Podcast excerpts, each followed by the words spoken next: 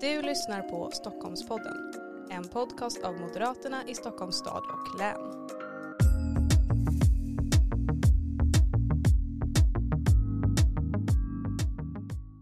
Hej och välkommen till veckans avsnitt av Stockholmpodden. Med mig idag har jag ingen mindre än Sveriges talman Andreas Norlén. Varmt välkommen hit. Tack så mycket. Hur är poddvanan? Är det någonting du gör ofta? Ja, allt är relativt men jag var med i en juridikpodd för några veckor sedan och eh, ett tag så blev det faktiskt tror jag tre poddar inom några veckor och så där. Så att det, det går lite upp och ner. Ja, vad spännande. Eh, och det här är ju en podcast om politiken i Stockholm.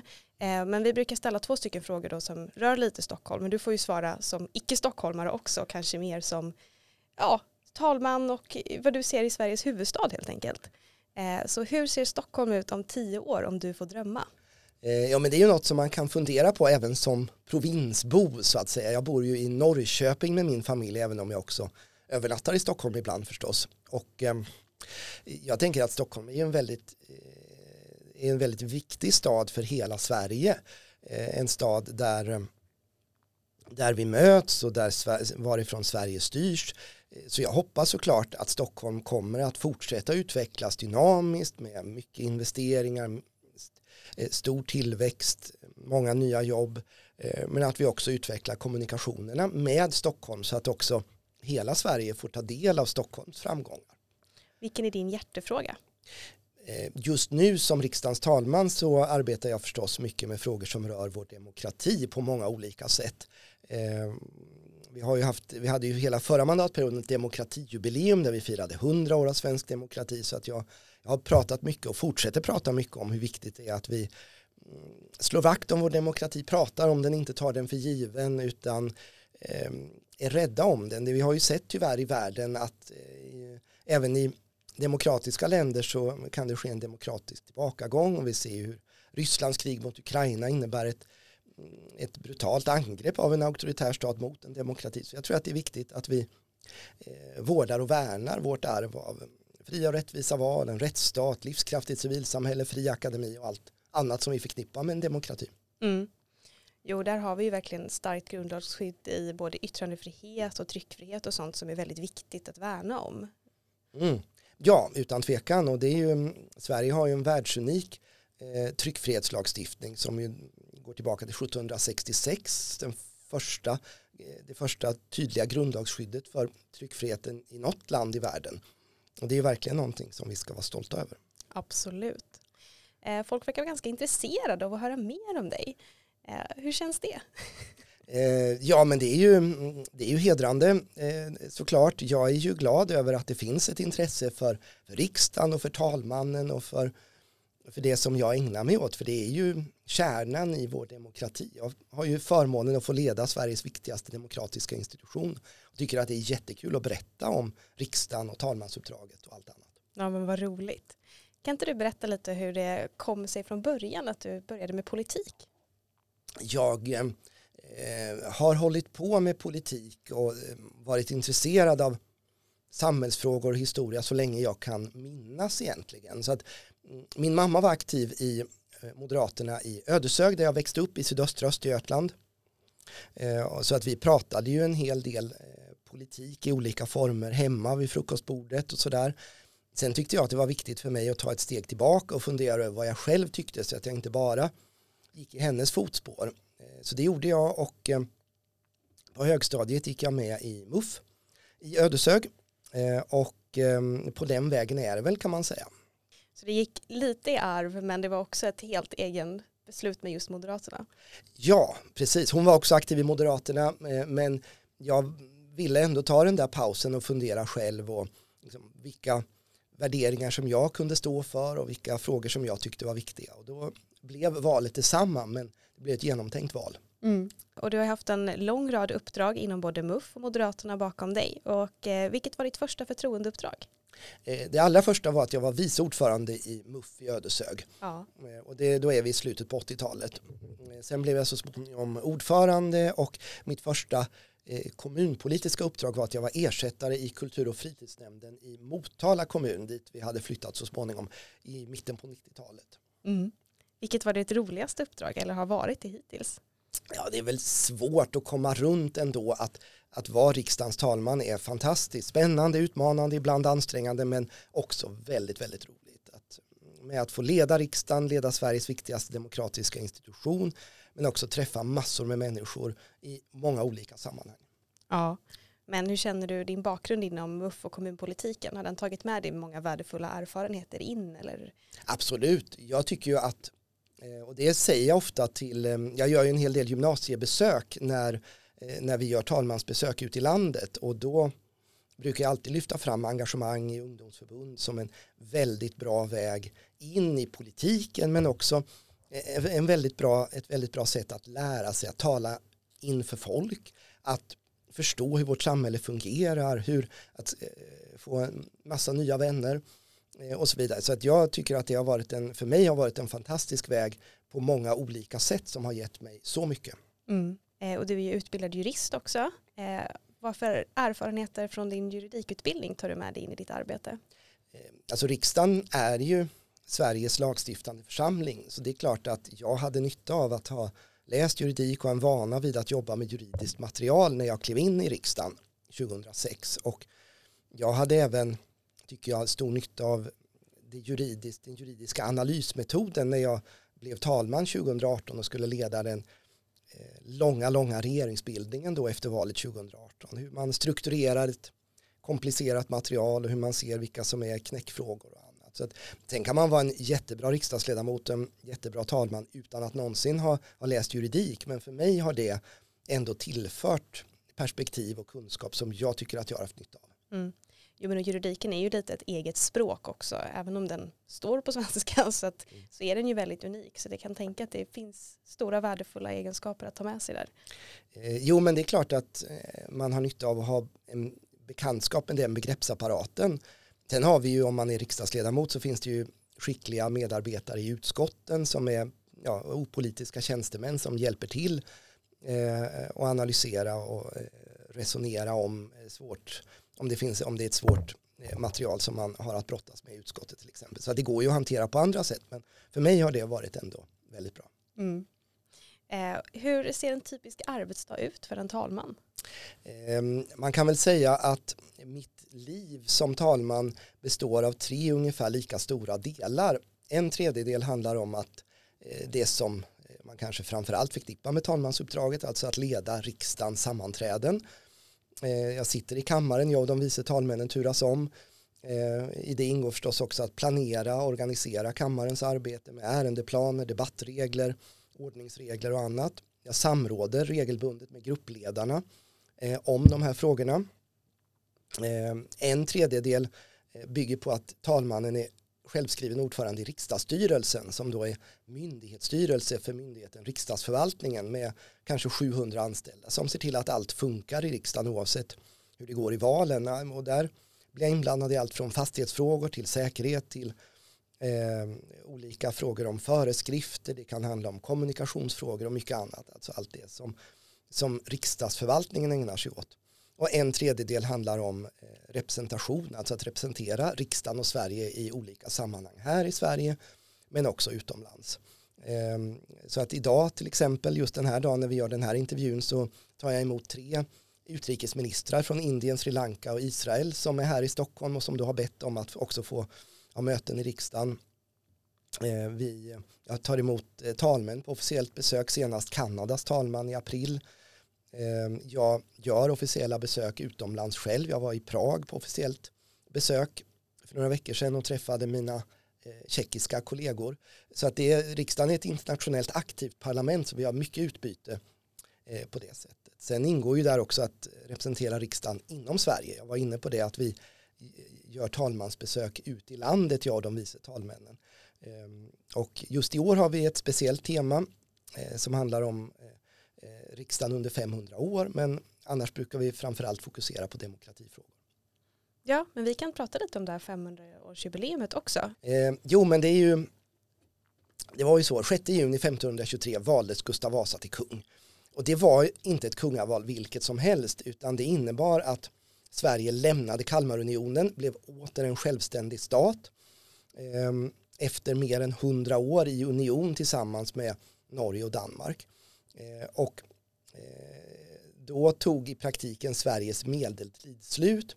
Den nya tiden i vår historieskrivning började och bygget av det som blev nationalstaten Sverige inleddes.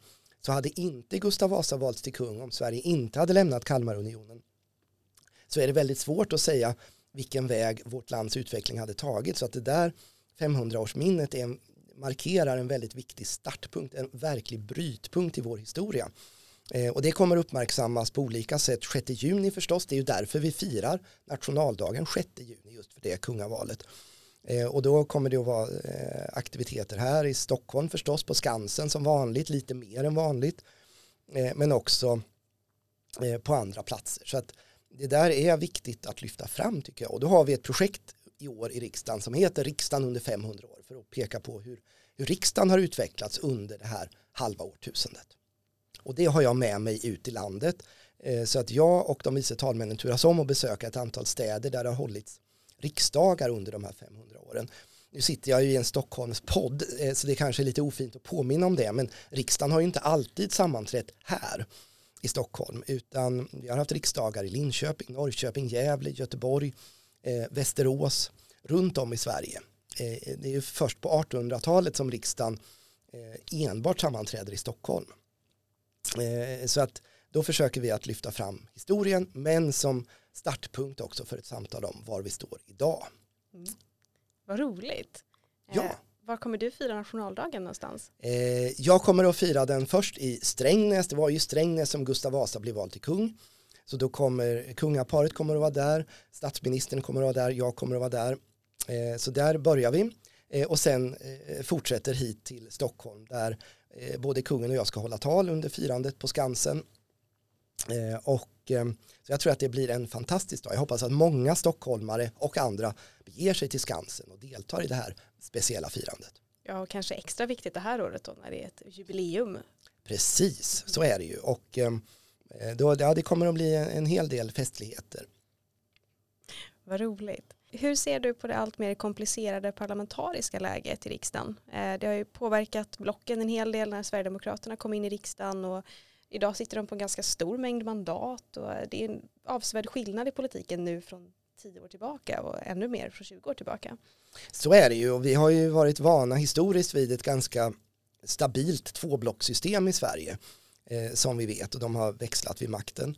Eh, nu eh, från och med som du säger 2010 Sverigedemokraternas intåg i riksdagen så eh, har det förändrats i grunden och eh, under de 12 åren som gick mellan 2010 och 2022 så hade vi ju regeringar som eh, var verkliga minoritetsregeringar i den meningen att de inte kunde räkna med att få stöd ens för riktigt, i riktigt viktiga omröstningar. Det fanns inga sådana garantier. Både Fredrik Reinfeldts andra regering och regeringarna under Stefan Löfven och Magdalena Andersson var ju av det slaget och det såg vi ju också ledde till att olika regeringar förlorade olika viktiga omröstningar och det där får man säga accelererade under den förra mandatperioden 2018 till 2022 när när eh, regeringarna förlorade även viktiga omröstningar. Eh, I den meningen så har det ju skett en stor förändring nu, eller det skedde en stor förändring inför valet 2022 när man såg att två nya grupper av partier, man kan kalla det block, man kan kalla det någonting annat, men att i alla fall två nya konstellationer hade börjat växa fram och eh, det gjorde ju att det blev, det var ju ändå ganska tydligt att någon av de här grupperingarna skulle få majoritet i riksdagen och därmed första möjligheten att försöka bilda regering. Och det var ju också så det blev ehm, med ja, Ulf Kristerssons lag eh, som försökte bilda regering och också lyckades. Eh, och därmed så har ju Sverige nu en, majoritetskonstellation i alla fall på alla de områden som täcks av Tidöavtalet och det är ju en en ganska stor skillnad vilket gjorde till exempel att vi har haft en ganska odramatisk budgetprocess i riksdagen under det här, de, här, den här, de här senaste månaderna i motsats till hur det har varit tidigare när budgeten har varit, det har varit ganska oklart hur det ska bli med budgeten till exempel. Ja, jo men framförallt förra mandatperioden kanske har ju varit mm. väldigt speciell och då syntes ju även du väldigt mycket i media. Eh, upplever du att du har varit en mer känd talman än många tidigare? Alltså, I och med eh, regeringsbildningen 2018-19, de 134 dagarna, så blev det ett eh, väldigt stort fokus på partiledarna förstås, men också på mig som skulle försöka leda den här väldigt speciella processen i ett väldigt speciellt skede i svensk politik. Och det, det är klart att det bidrog väl till att eh, jag blev eh, ett mer känt ansikte kanske än en del andra talmän har varit. Och det har jag försökt sen bygga vidare på genom att fortsätta att berätta om riksdagen, demokratin, talmansrollen. Så för att jag tycker det är viktigt, så jag hoppas och tror att fler vet mer nu om riksdagen och talmannen än vad man visste kanske före 2018 års regeringsbildning. Jo men det tror jag verkligen. Men du trivs i den här lite mer utåtrollen helt enkelt? Ehm, jag tycker att det är viktigt att eh, säga att ändå en del av mitt uppdrag är faktiskt att berätta om vad jag gör och vad riksdagen gör. Eh, för att därigenom förklara hur vår demokrati fungerar. Och det, det tycker jag är roligt att göra och jag är jätteglad för det stora intresset som, som finns där ute för att veta mer om vad vi gör. Mm. Eh, och du är ju då inne på din andra mandatperiod som talman. Var det en självklarhet för dig att ställa upp för omval för det här? Jo men det var det ändå. Ehm, därför att förra mandatperioden var väldigt speciell politiskt men vi hade också en pandemi mitt i alltihop som gjorde att vi fick göra om väldigt mycket av riksdagsarbetet och ställa om precis som man gjorde runt om i samhället så att det var ju mycket ändå som inte gick att göra på vanligt sätt så att jag, jag tyckte ändå att det skulle vara roligt att få möjlighet att um, ha en mandatperiod utan lockdowns och, och, annat sånt och kanske jobba på ett mer vanligt sätt. Mm. Känner du att du har fått börja ett mer vanligt talmansmandatperiod nu då? Ja men det får man väl ändå säga att det är, det är eh, i den meningen eh, mer traditionella arbetsformer. Vi började ju med en, en regeringsbildning precis som 2018 men den gick mycket fortare än vad det gjorde då.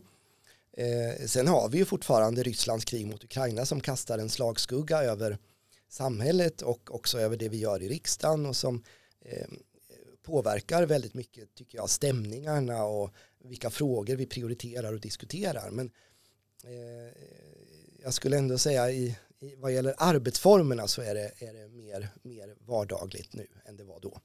Kanske lite skönt också att hitta ett annat, en annan lunk på något sätt. I...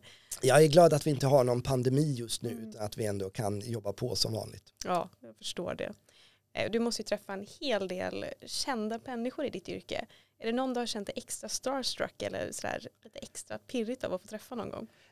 Ja, men det, det är ju riktigt som du säger, det kommer ju väldigt många olika människor till riksdagen i, i olika sammanhang. Allt från kungen av Spanien eh, som jag tog emot i samband med hans statsbesök 2021 eh, till eh, andra framstående politiker, FNs generalsekreterare och andra. Men ehm, jag skulle ändå säga att eh, det är ehm, alltså, och det, det ger såklart många starka minnen att samtala och diskutera med, med, med ledande företrädare på det sättet. Men det ger också väldigt mycket att möta till exempel skolungdomar ute på gymnasieskolorna i samband med de här talmansbesöken och få ta del av deras perspektiv och bilder om och frågor om riksdagen och riksdagsarbetet och svensk politik. Så att jag måste säga att ett antal av mina mest minnesvärda möten har varit över bricklunch i en skolmatsal för att eh, det har blivit väldigt spännande, dynamiskt, deras syn på demokrati och framtiden och så vidare. Ja, det var ett väldigt fint svar måste jag säga. Du gillar att träffa människor kan jag nästan ana ur det här. Eh, jo men det gör jag och det, det, tror jag nog kanske att man måste göra om man ska ägna sig åt politik och det har jag ju gjort då sedan högstadiet och suttit i riksdagen sedan 2006 och Ehm, det finns ju en och annan politiker eh, som historiskt kanske inte har gillat folk så mycket. Eh, en som jag brukar använda eh, anekdotmässigt i alla fall i en del tal var Calvin Coolidge som var president i USA på 20-talet. Nu spårar jag helt iväg här som du märker. Men han, han kallades för Silent Cal, Tyste Cal och han, han gillade inte folk särskilt mycket och framförallt inte att snacka med folk. och det finns många historier om det där, bland annat en eh, om hur han, det skulle vara middag i Vita huset, han hade en ung dam till bordet och hon sa då att ja, Mr President, jag har slagit vad med mina vänner om att jag ska få er att säga mer än tre ord vid middagen ikväll. Och då svarar Coolidge, you lose. Eh, eh, och, så att, men sån, riktigt så är inte jag, utan jag gillar faktiskt att snacka med folk. Ja, och det är väl kanske som du säger ganska naturligt när man ska hålla på med politik och framförallt då i en roll som en representation av Sverige och Sveriges riksdag. Då är det klart att man behöver gilla människor i någon, någon form i alla fall. Jag tror det. Jag tror det. När du är ute på så skolbesök och sånt, är det många som vill ta bilder med dig? För jag var i valstugan och så var du på besök och då vet jag att det var ett helt hop av eh, skolklasser runt dig för att ta bild. Mm. Och jag tror vi slutade räkna vid 60 selfies ja. eller något sånt där den gången. Eh, och jo men det är, eh, det är många och eh, så har det varit ända sedan då de här speciella månaderna med regeringsbildningen. Och eh, så, jo det, det, har blivit många selfies de här åren. Mm. Eh, tycker du att det är svårt att ha en opolitisk och opartisk roll eh, när du tidigare varit så politiskt engagerad? Nej men jag tycker att um, den där omställningen gick Eh, enklare kanske än vad jag hade trott. Eh, och det berodde nog, tror jag, framförallt på att jag klev rakt in i den här väldigt svåra politiska situationen efter valet 2018 och skulle leda den regeringsbildningen och då, då kände jag direkt att eh, jag måste verkligen agera på ett neutralt objektivt sätt här så att ingen kan eh, beskylla mig för att gynna eller missgynna ett parti åt det ena eller det andra hållet. Eh, och då så jag, jag klev rakt in i det här och ansträngde mig väldigt hårt för att vara hela riksdagens talman och sköta den processen på ett balanserat sätt. Och sen har det så att säga rullat på i högt tempo. Men det är klart att jag har, som du säger, jag var ju, jag var ju politiskt aktiv sedan, 80-talet och haft åsikter i massor med olika frågor. Eh, men det är väl så när man kliver in i en ny roll så får man också acceptera spelreglerna. Det är lite eh, på samma sätt kanske som om man är lärare och sitter i kommunfullmäktige där hemma att eh, man får ju ha hur mycket åsikter man vill i fullmäktige men man kan inte kliva in i klassrummet och börja eh, övertyga och argumentera med eleverna partipolitiskt utan då får man acceptera att då har man den rollen. På samma sätt är det ju för mig att jag får acceptera att nu kliver jag in i talmansrollen och då får andra sköta partipolitiken. Mm. Ja, men det låter väl ändå rätt rimligt. Som sagt, man sitter ju oftast på dubbla stolar när man är politiskt engagerad. För just för att man har ett arbetsliv utanför. Mm. När man inte tar med sig dem in. Sen, sen, gjorde jag precis som du säger, jag var ju i valstugan då eh, på Sergels torg och eh, deltog även i valaktiviteter på andra håll i Sverige. Vi gjorde en liten, en liten turné då där jag besökte en del universitetsstäder och så. Och det var ju utifrån bedömningen då att jag var ändå kandidat i det valet. Jag stod först på riksdagslistan i för Moderaterna i Östergötland och att det då hade blivit lite konstigt om jag eh, hade suttit i en garderob och, och räknat med att folk skulle rösta på mig. Utan då tyckte jag ändå att jag hade ett ansvar för att göra min del i valrörelsen. Eh, och, eh, men när jag sen blev återvald som talman så klev jag ju så att säga tillbaka in i talmansrollen och eh, agerar eh, då som hela riksdagens talman. Eh, och personligen så var det här min första valrörelse som engagerad. Men jag tyckte det var otroligt roligt. Känner du fortfarande likadant efter så många valrörelser? Att det är helt Absolut. Jo men det är ju alltid en, en, en viss, eh, vad ska man säga, det pirrar lite extra i luften, det är en viss laddning, en viss eh, stämning och spänning just det här när valrörelsen närmar sig. Det, det har jag alltid känt ända sedan 80-talet och varje val sedan dess. Att det är ändå, liksom, man har lite högre puls, lite mer adrenalin under de här veckorna när valrörelsen är som mest intensiv. Och ehm, eh, min fru brukar säga det att hon eh, funderar på att åka utomlands eller något de där veckorna för att jag blir helt omöjlig. Och liksom, väldigt skruvad och eh, liksom, bara tänker kan man göra något mer? Eh, kan jag, eh, kan jag dela ut någon mer lapp i någon brevlåda eller jag måste göra någon mer grej här innan det är för sent. Så, så att eh, nu har hon inte åkt utomlands hittills så det är jag väldigt glad för. Men men det är ändå, det är lite, det är en speciell nerv. Ja, jo men verkligen. Det är på ett sätt tråkigt att det sker så sällan, men jag tror också att det är tur att det sker var fjärde år och inte oftare. Eh, för att det är verkligen, man går på ren adrenalin upplevde jag. Ja men det är ju det är en väldigt, det är en kraftansträngning eh, som, som det handlar om för, för både partierna och för alla som är aktiva. Att man verkligen laddar och kör stenhårt och det kan man inte, man kan inte gå på det höga varvet allt för ofta tror jag. Nej, precis så, då blir det nog inte lika bra. Jag tänker dina sociala medier, du är ganska aktiv där. En mm. sak som syns mycket är bland annat matlagning. Kan du berätta mm. lite om det intresset? Um, ja men det är riktigt, jag har ett Instagramkonto talman.andreas.norlén, ni får gärna följa. Uh, och um, Jag är även med på Twitter och så, eh, men Twitter är lite mer formella inlägg. Instagram, där försökte jag ändå ge en bild framför och bakom kulisserna i riksdagen, men också lite från min vardag, precis som du är inne på. Och då är det ju, tycker jag, att mat och matlagning är roligt. Sen är, det, är min fru bättre på det än vad jag är. Så att jag är väl en amatör som, som hjälper till, men jag tycker att det är roligt och spännande att experimentera en del och eh, förnya en del och så. Så att eh, absolut, det finns en del matbilder, det gör det. Vad, om du får bestämma drömsöndagsmiddagen, vad blir det? Ja, alltså eh, som igår, eh, så, eller rättare sagt häromdagen så åt vi en tapasmiddag eh, med eh, så min fru bodde ett eh, antal år i Spanien när hon studerade på, på, universitet och har tagit med sig en del hemifrån, patatas bravas till exempel och annat sånt från det spanska köket. Och eh, jag tycker att det är kul med plockmat, att man kan liksom, plocka ihop sin egen tallrik med ja, stekt svamp och den här potatisrätten och kanske lite prosciutto som ju i och för sig inte är spansk då men eh, ja, en, en, en kul mix så. Eh, sen älskar jag råbiff eh, så att eh, det brukar Helena, min fru, då göra när jag fyller år till exempel. Hemgjord råbiff. Eh, och eh, så en, eh, när, jag var, när jag växte upp så gillade jag eh, stek väldigt mycket, stek och sås. Och det gör jag fortfarande, men framförallt med betoning på såsdelen. Jag är en såsperson. Vad är favoritsåsen då? Ja, det finns ju så många, men, men krämigare och gräddigare desto bättre. Ja, jag håller med dig där. Det, lite roligare med sås på maten än utan i alla fall. Ja. Eh, du bor ju som sagt i Östergötland eh, och inte här i Stockholm även om du har en övernattningslägenhet här gissar jag. Eh, hur fungerar vardagen med pendling och får man ihop familjelivet?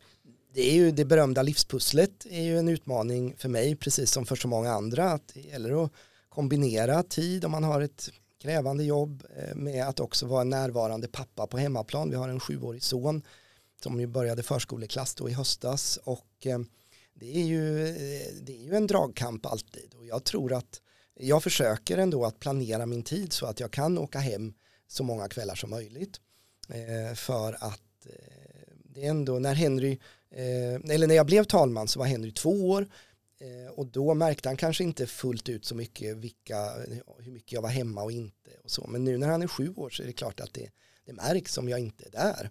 Och, och eh, jag vill ju gärna vara, vara en närvarande pappa och eh, så vi pusslar och grejar så mycket som möjligt med scheman och annat för att eh, ja, men det är klart det är en bit mellan Norrköping och Stockholm. Dock ska jag väl säga i min erfarenhet att stockholmare tycker att det är längre till Norrköping än vad vi Norrköpingsbor tycker att det är till Stockholm. Eh, så att det är inte en fullt lika hög tröskel för mig att ta mig hit som det är för er att ta er ut i landet tror jag. Om jag nu får vara lite fördomsfull. Nej men jag kan nog, eh, jag kan nog hålla med om den eh, punkten faktiskt. Det, hade den diskussionen, jag är själv från Göteborg och när jag flyttade hit och sen så hade jag åkt ner några helger och folk bara, men det är ju helt sjukt att du åker tåg så länge. det, är, det är ju tre timmar men mm. Mm. Absolut. Det, det så här, åker man tidigt så är det knappt att man ens märker tycker jag att man pendlar. Men man kanske inte vill göra det varje dag. Eh, det vet jag inte. Mm. Nej men så jag tror att det är lite där mentalt bild av vad som är långt och inte. Mm. Eh, jag tror att en del eh, stockholmare med köer och annat tillbringar nästan lika mycket tid i bilen som jag gör. Antagligen, ja. En annan sida som syns mycket på din Instagram det är din odling av kanske primärt tomater. Mm. Berätta lite om det här intresset. Ja, men det, var, det började egentligen under pandemin att min fru sa att ja, men nu, man kan, vi kan inte resa bort på sommaren, vi måste hitta på något mer att göra. Och då började hon googla om tomater och tomatsorter och sådär och eh, tyckte att det verkade spännande och köpte hem ett antal olika sorter. Eh, så att jag tror första året eh, så hade vi kanske 16 olika sorter eller något sånt där. Eh, och sen eskalerade det intresset och jag började också tycka att det var spännande med, med den mångfald olika sorter som jag då började inse fanns i tomatvärlden. Så att andra året kanske vi hade 45 sorter, förra året 60 och nu är vi uppe i över 100 olika tomatsorter som Nej. vi odlar. Ja, det finns hur många som helst. Eh, vi planterade 96 tror jag eh, sorter i, i, för några månader sedan men sen har vi fått lite nya frön från olika håll. Så att nu är det en bit över 100 olika sorter som vi har eh, drivit upp eller håller på att driva upp hemma. Så att målet är att ha eh, färska tomater hela året. För det kan man ju åstadkomma om man odlar inomhus då och planterar löpande under året. Men den stora säsongen är förstås nu, vår och sommar. Ja. Blir det någon sån här tapasbricka då på diverse olika tomatsorter för smakprov eller vad? Ja, ja men vi har haft, eh, vi hade, det hade vi förra sommaren ett antal olika tomatprovningar där man får någon röd, någon grön, någon svart, eh, olika storlekar, eh, olika sorter och så att även Henry eh, har eh, riktigt skicklig på att skilja mellan olika tomatsorter då på smaken. Nej, vad häftigt. Vad, vad är favorittomatsorten då? Alltså det, det beror ju alldeles på vad man vill ha. Vill man ha många små tomater så finns det en sort som heter Bajaja där jag fick eh, fröna från en av Säpo-killarna eh, som också håller på med tomater. Eh, men eh, det är liksom hur många som helst, väldigt små. Eh, eh och eh, sen finns det en Costoluto eh, som är en jättegod bifftomat som finns fler, i flera olika varianter för övrigt också. Eh, sen är det ju coolt tycker jag med som tigrella som är en randig tomat, hör man på namnet kanske. Så, så att det beror lite på om man är ute efter estetik eller stort eller smått. Och lite så. Men, Men det är ett intresse du kan rekommendera andra att börja med? absolut, och man behöver ju inte börja med hundra sorter utan man Nej. kan ju börja med, med några få. Men eh, det, det finns någon tomatsort för alla tror jag. Även om man bara har en liten, liten balkong så kan man ha en liten, liten planta då med små, små tomater. Hur lång tid tar det att odla en tomat generellt? Ehm, ja, men om vi nu planterade, låt oss säga i februari, eh, frön inomhus eh, så, kan man ställ, så ställde vi väl ut sticklingarna i, i eh, garaget då, där vi har lite konstgjord belysning och sådär i slutet på april och sen eh, kommer vi väl att plantera ut dem på, på friland kanske i juni och så får man väl kanske skörd framåt augusti eller något sånt där. Typ så, augusti, september. Det beror lite på vilka sorter man har och hur snabbväxande de är.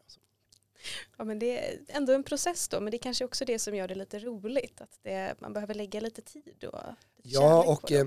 Min, min fru brukar säga att folk liksom säger att oh, det är så avkopplande med, med odling och trädgård. Och, och hon brukar göra poängen att det är det ju inte alls för att då först när man sår fröna så, måste, så blir man nervös och liksom, oh, kommer det att gro? Eh, det är ju inte alla frön som gror, eh, även om man tror det. Eh, och sen då om man får upp lite sticklingar, oh, hur ska man, oh, vad långsamt de växer, eh, är det något fel på dem? Och sen när ska man egentligen ställa ut dem så att det inte blir, de tål inte under 7 plusgrader, helst någon längre tid. Liksom man kan inte ställa ut dem för tidigt i garaget då. Då kanske de fryser, tänk om det kommer en köldknäpp, då blir man nervös för det. Och sen gäller det ju då när man planterar ut dem, det får man inte heller göra för tidigt, för då kanske de inte klarar sig. Så att det är en ständig anspänning, en ständig kamp, Men det är värt det för tomaterna i slutändan. absolut. Ja, Absolut, och nu med inflationen så har ju priserna stuckit iväg också. precis. Då blir man lite självförsörjande Ja. och bonus. Fantastiskt. Tack så jättemycket för att du besökte vår podd. Det var jättetrevligt att ha dig här som gäst och jag hoppas att många av våra lyssnare också fått svar på sina frågor. Framförallt om tomater har det varit en inströmning. Är det så? Ja det är men- verkligen så. Och Ja, men, och då, då är det väl bäst att säga att jag är ju såklart amatör, det är Helena också, så vi gör inte anspråk på att vara proffs, men vi berättar utifrån våra erfarenheter. Jo, och har man odlat över hundra stycken olika tomatsorter då kanske man är på den högre skalan av amatör i alla fall. Det får jag väl ändå säga. Ja, men tack. tack. Och som sagt, vi nämnde dina sociala medier. Där får man gärna följa dig, framförallt på Instagram. Just det. Eh, ja, nej men då får jag säga stort tack återigen och sen så får vi hoppas och följa ditt arbete vidare både på sociala medier och även på andra ställen. Tack så mycket. Tack. Stort tack till dig som har lyssnat. Glöm inte att prenumerera på podden och sätta på notiser så att du inte missar när nästa avsnitt släpps. Om du vill komma i kontakt med oss, kanske tipsa om nästa gäst, så kan du mejla till oss på stockholm.moderaterna.se eller så kan du skriva till oss på Instagram. Där heter vi Stockholmpodden. Hoppas du får en härlig vecka så hörs vi framåt. Hej då!